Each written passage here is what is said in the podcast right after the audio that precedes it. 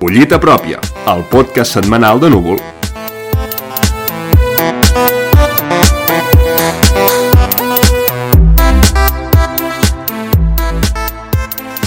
Hola a tothom i benvinguts una setmana més de Collita Pròpia, el podcast setmanal de Núvol, on resumirem en no més de 10 minuts aquelles entrevistes, articles i reportatges destacats del Digital de Cultura.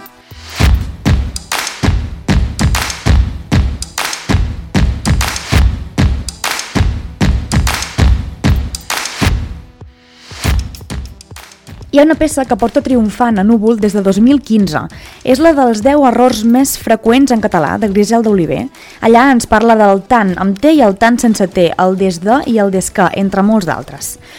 Aquesta setmana Pau Vidal ha fet un article que es diu Els 10 calcs més necis en català, la segona part d'un article que ja havia publicat fa temps on exposa 10 expressions que els catalans hem importat del castellà i fem servir tot sovint, sense ni tan sols ser-ne conscients. És un article divertit, en què passa per l'adreçador algunes de les expressions que hem manllevat del castellà. El mateix Pau Vidal ens llegeix un dels fragments on ens parla del calc joder. Joder, això que vosaltres dieu joder, eh, és l'hereu amb tots els honors de l'ínclit Quilipolles. I a l'hora de la demostració palpable que la relació del poble català amb la llengua castellana és sadomasoquista. Perquè ja em direu, si no, com s'explica que parlants de 60 anys o més, escoltadors conspicus de la Terribas, en Pellicer, la Corporació Aimadors Declarats de la Llengua, hagin incorporat una exclamació que no solament té aquell so, eh, aquell so, sinó que és un dels cims de la vulgaritat que tant ens desagrada, o que suposadament, com a catalans, ens desagrada. Ja m'ho direu, si podeu. Llegint aquest article, les rialles estan assegurades, però l'objectiu final de Vidal és reflexionar sobre el fet que molts catalans volem cuidar minuciosament la gramàtica catalana i alhora diem o pronunciem paraules i expressions que s'allunyen del tot dels orígens de la nostra llengua.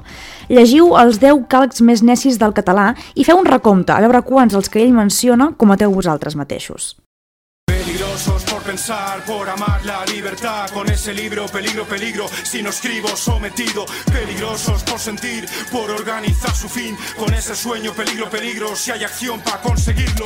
Dimarts passat, els Mossos d'Esquadra van entrar a la Universitat de Lleida, on s'havia tancat el raper Pablo Hasél amb desenes d'activistes més, i se'l van endur per complir una condemna de més de dos anys de presó.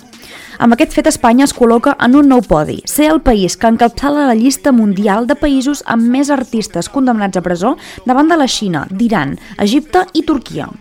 Agus Izquierdo ha publicat un reportatge titulat Els ulls es buiden, els carrers s'omplen i relata els fets que s'han produït a les manifestacions els darrers dies com a acció de protesta i solidaritat amb Pablo Hasél. En aquest article no només s'hi descriu la situació que el mateix Izquierdo va viure i va veure, sinó que, tal com diu ell mateix en el text, això no va només de Hassel, sinó també de la noia de 19 anys que va perdre un ull, presumptament per un impacte d'un projectil de foam durant la primera protesta, el dimecres. I vet aquí el títol de l'article. És una peça en format cronològic i va acompanyada de moltes imatges que descriuen la resposta ciutadana que ha tornat a despertar als territoris catalans després de les protestes per la sentència dels presos polítics. Lo sienten, tendrán enfrente al pueblo insurgente. Peligrosos por pensar, por amar la libertad. Con ese libro, peligro, peligro, si no escribo sometido. Peligrosos por sentir, por organizar su fin. Vegeu també l'article d'opinió que ha fet Bernat Puigtovella, l'editor de Núvol, que s'anomena Una consellera d'interior de la CUP, i on posa en valor l'apoderament que protagonitza la joventut en les accions de protesta, una força que el Puigtovella descriu com a imparable. A més, en aquest article afirma que els actes de protesta dels joves al carrer no són un acte de resistència, perquè la història els va a favor. Ell diu que és la monarquia i el règim del 78, amb una judicatura podrida, la que es resisteix als nou temps. Puigtovell aprofita també per instar la CUP a sortir de la seva zona de confort, la del rebuig a governar, i acaba així. Ai, Dolors, porta'm al ball. Per què no una consellera d'interior de la CUP?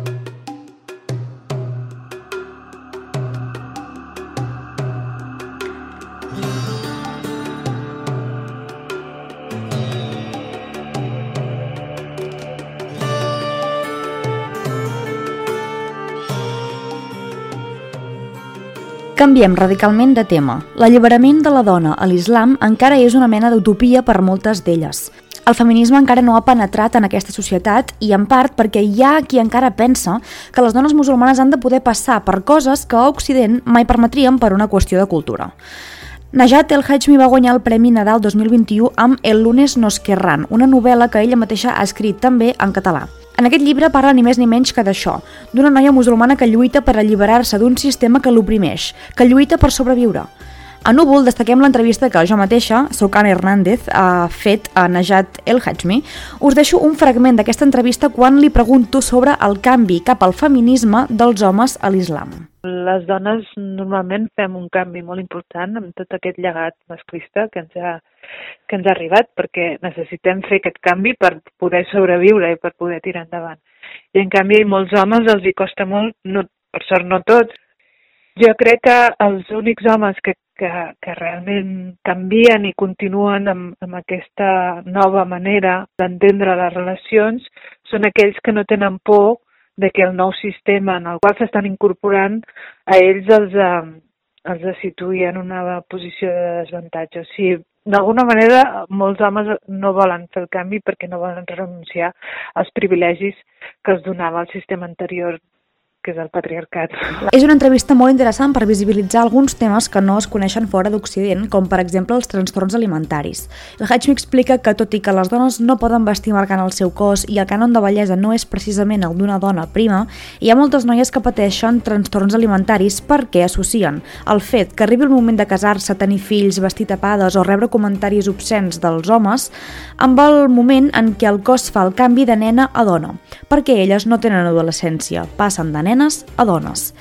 Elles no s'aprimen compulsivament per entrar en uns canons idealitzats de bellesa, com si passa a Occident, sinó que tot el contrari, ho fan per sortir-ne i per no haver d'acceptar tot el que comporta complir amb el cos normatiu de l'islam.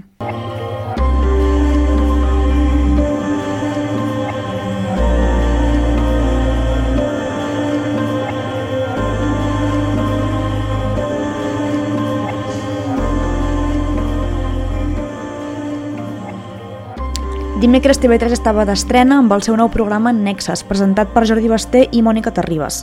Com sempre, Joan Bordeus va estar ben atent a la pantalla per poder fer-ne la crítica. El títol del seu article és Nexes o la tiktokització de TV3. Bordeus escriu aquesta nova oferta de la televisió pública de Catalunya com una barreja entre distopia i entreteniment i no acaba de veure clares les picades d'ullet a les últimes modes que imperen entre l'entreteniment del jovent. De fet, es pregunta si aquest nou programa és, com diuen els presentadors, un espai per explicar-nos a nosaltres mateixos o si Nexus és un jo mai mai per la tele en què els catalans posem l'alcohol des de casa. Això és el que diu Joan Bordeus. També us llegiré a la conclusió que ell en fa en l'últim paràgraf de l'article. Diu el següent. Després de dues hores sotmetent les neurones mirall de l'espectador a un tornador d'empatia forçada, és molt difícil garballar entre les històries sanes i interessants que aporten alguna cosa i les instàncies de vergonya aliena i morbo sense salta ni volta, que també és una bona manera de descriure la vida d'últimament. Si voleu conèixer més a fons les opinions de Joan Bordeus al voltant d'aquest nou programa de TV3, aneu a llegir Nexes o la tiktokització de TV3.